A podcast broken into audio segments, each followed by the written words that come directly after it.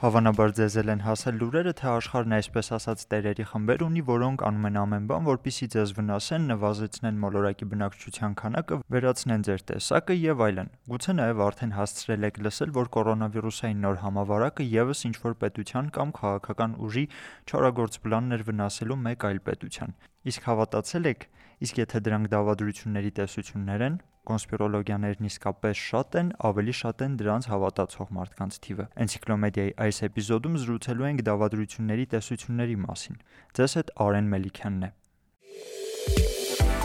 Էնցիկլոմեդիա՝ մեդիագրագիտության հանրագիտարան երեխաների եւ ծնողների համար։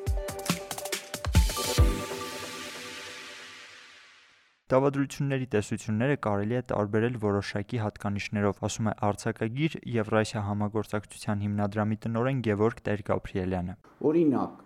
երբ ձեզ ասում են, որ կա մի մարդ կամ մարդկանց խումբ, խունտա, հայտնի թե անհայտ, որոնք գաղտնի կերպով տնորինում են ձեր կյանքը։ Կամ եթե ձեզ ասում են, որ մեկ մարդ կամ խումբ որոշում է աշխարի բախտը, Կամ եթե ձեզ ասում են, որ անմեղ տուժածներն են մեղավոր, որ իրենք տուժեցին։ Այդ պահին իսկույն հասկանում ես, որ դա դավադրությունների տեսություն է, Սովորաբար մարդիկ հավատում են տեղեկատվությանը, որին ցանկանում են հավատալ, երբեմն առանց հարցադրելու դրա համապատասխանությունն իրականությանը։ Հրանտ Մաթեվոսյանի հերոսն ասում էր. «Ժողովուրդ է, իսկությունը չգիտի, պարտավոր է հորինել»։ Մեր ինֆորմացիայի քանակը շատ է, եւ դա խճճում է մարդուն եւ վտանգ է առաջացնում նրա հոգեբանության համար եւ դրանից նրա նախնական արխայիկ բնազդներն են սկսում աշխատել մարդ սկսում է ճափից դուրս շատ հավատալ որ կան անհայտ վտանգներ Այդ երևակայական վտանգները որոշակի շահագրգիռ խմբերի թույլ են տալիս խոճապի մտնոլորտ ստեղծել հասարակության մեջ։ Երբեմն միտումնավոր են ստեղծվում այն ուժերի կողմից, որոնք ուզում են ժողովրդին պահել վախեցած վիճակում, իշխված, թույլ չտալ, որ մարդիկ մեջքներն ուղղեն։ Եթե թափանցիկությունը համատարած չէ, եթե վերը նշածս հանգամանքները կան, մարդը սովոր է, որ իրեն իշխում են բրգաձև համակարգերը, իսկ ինքը իշխանություն չունի, իսպար զուրկ է որոշում իրագործելու հնարավորությունից, նա կարող է զոհ գնալ այդ հավատին։ Դավադրությունների տեսություններ նոր թափով սկսեցին ստեղծվել վերջին ամիսներին աշխարհում COVID-19 համավարակի տարածման հետ։ Սկզբում ասվեց, որ չինացիներին Ամերիկան է վարակել։ Հետո, երբ Ամերիկայում բռնկվեց, ասացին, որ Ամերիկային Չինաստանն է այդպիսի էպիդեմիոլոգիական զենքով վարակել։ Այսինքն անընդհատ փոխվում են այդ վարկածները Եվ ինչպես ես ասացի, հենց որ լսում ես, որ ինչ որ մի խումբ մարդիկ գախտնի կերպով եւ հաջողությամբ ինչ որ բան են իրագործել, դա որպես ինֆորմացիա պետք է պարզապես դեն նետել եւ դրան մեջ չխորանալ։ Այս խոսակցությանը դեռ կվերադառնանք։ Վարակի հասնելուց ավելի վաղ դավադրությունների տեսությունները հասան Հայաստան հիմնականում ռուսական ԶԼՄ-ների միջոցով։ Լրագրող Ռուբինա Դավթյանը թեմայի վերաբերյալ մեկ այլ դավադրության տեսության մասին է հիշեցնում։ Մինչ Չինաստանում գրանցվում այն սկզբնական դեպքերը,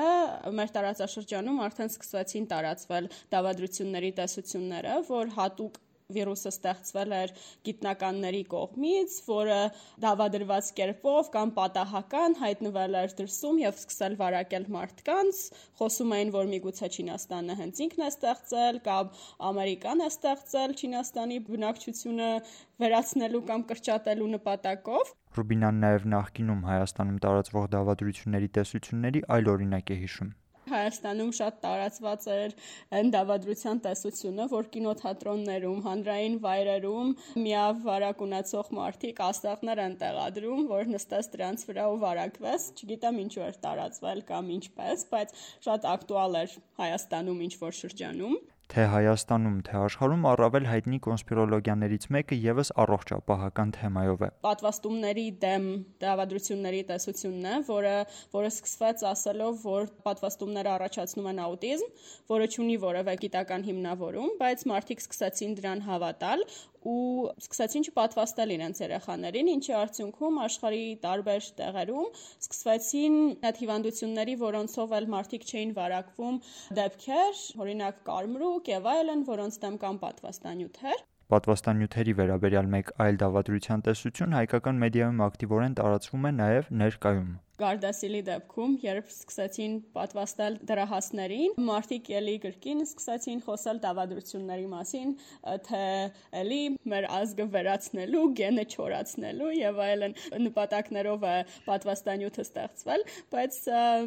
պատվաստանյութերը սովորաբար ստեղծվում են հիվանդություններ կանխարգելելու նպատակով ու դավադրությունները ելի այնպիսի հանրային վտանգ են ներկայացնում, որ եթե կարելի է արդեն չափահաս տարիքում խուսափել կոնկրետ հիվանդություններից, այդ մարդիկ ելի հայտնվում են խոցելի խմբում չունենալով պատվաստանյութ։ Հարևաններին եւ բակային խոսակցություններին վստահելու փոխարեն առողջապահական նման կարևոր հարցերում Ռուբինան խորհուրդ է տալիս ոլորտի իրական մասնագետներին հետևել։ Կարելի է ամեն դեպքում թեկուս պատվաստանյութերի, թեկուս հիվանդությունների մասին փորձել վստահելի աղբյուրներից օգտվել ու ամեն դեպքում շատ կարևոր է ստուգել ինֆորմացիան եթե օրինակ չգիտեմ ինչ որ կայքում կարդում ենք ինչ որ սարսափելի բան են մասին թե ինչպես են մեր երեխեքին չբեր դարձնում պետք է անպայման գնալ ու փորձել տեսնել թե ում են հղում կատարում ու փորձել հղումներով այսպես ասած ճամփորդելով հասկանալ թե սկզբնաղբյուրը որն է ու ինչից է սկսել այդ ինֆորմացիան, բայց ամեն դեպքում վստահել բժիշկներին,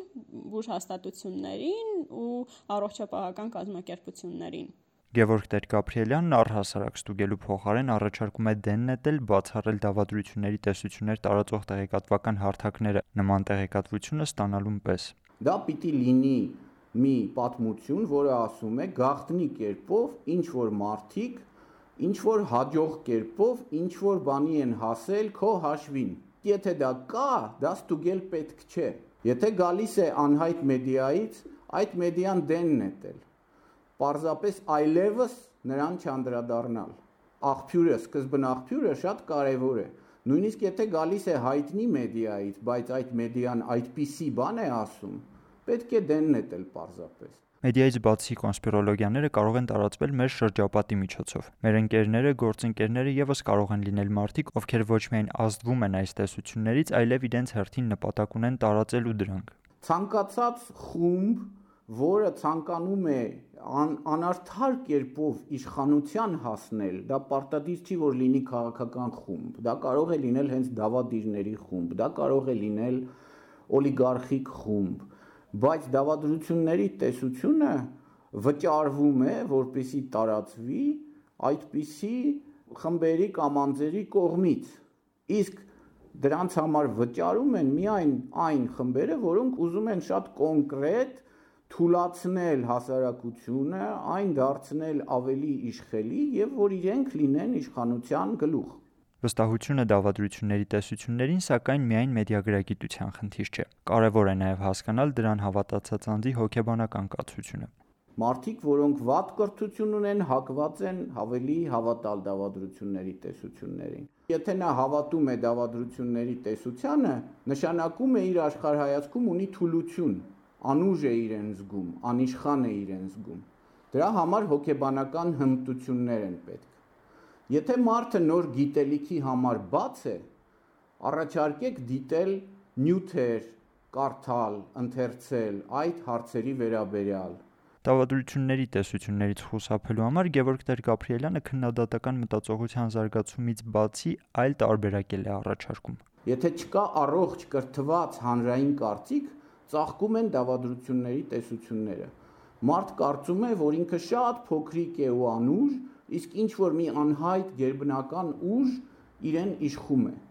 Եթե մարդիկ սովոր չեն միմյանց օգնության գալ, այլ միայն սեփական շահն են հետապնդում, առաջանում են դավադրությունների տեսություններ։ Media AM-ում էպիզոդի նկարագրությանը կից կգտնեք մի քանի օգտակար հղումներ, թե որտեղից կարող եք սկսել այս թեմայի առավել մանրամասն ուսումնասիրությունը։ Media AM-ից բացի մենք հասանելի ենք նաև ձեր ոդքասթ հավելվածներում եւ հանրային ռադիոյի Արևիկ մանկապատենեկանի եթերում։ Էնցիկլոմեդիայի այս էպիզոդում զրուցեցինք արձակագիր Եվրասիա համագործակցության հիմնադրամի տնօրեն Գևորգ Տեր-Գաբրիելյանի եւ գիտական լրագրող Ռուբինա Դավթյանի հետ։ Էպիզոդը ձեզ համար ձայնագրեց Արեն Մելիքյանը։ Էնցիկլոմեդիա ոդքասթերի շարքը պատրաստում է Մեդիա նախաձեռնությունների կենտրոնն ԱՄՆ միջազգային զարգացման գործակալության աջակցությամբ իրականացվող Մեդիան քաղաքացիների տեղեկացված մասնակցության համար ծրագրի շրջանակում։ Առայժմ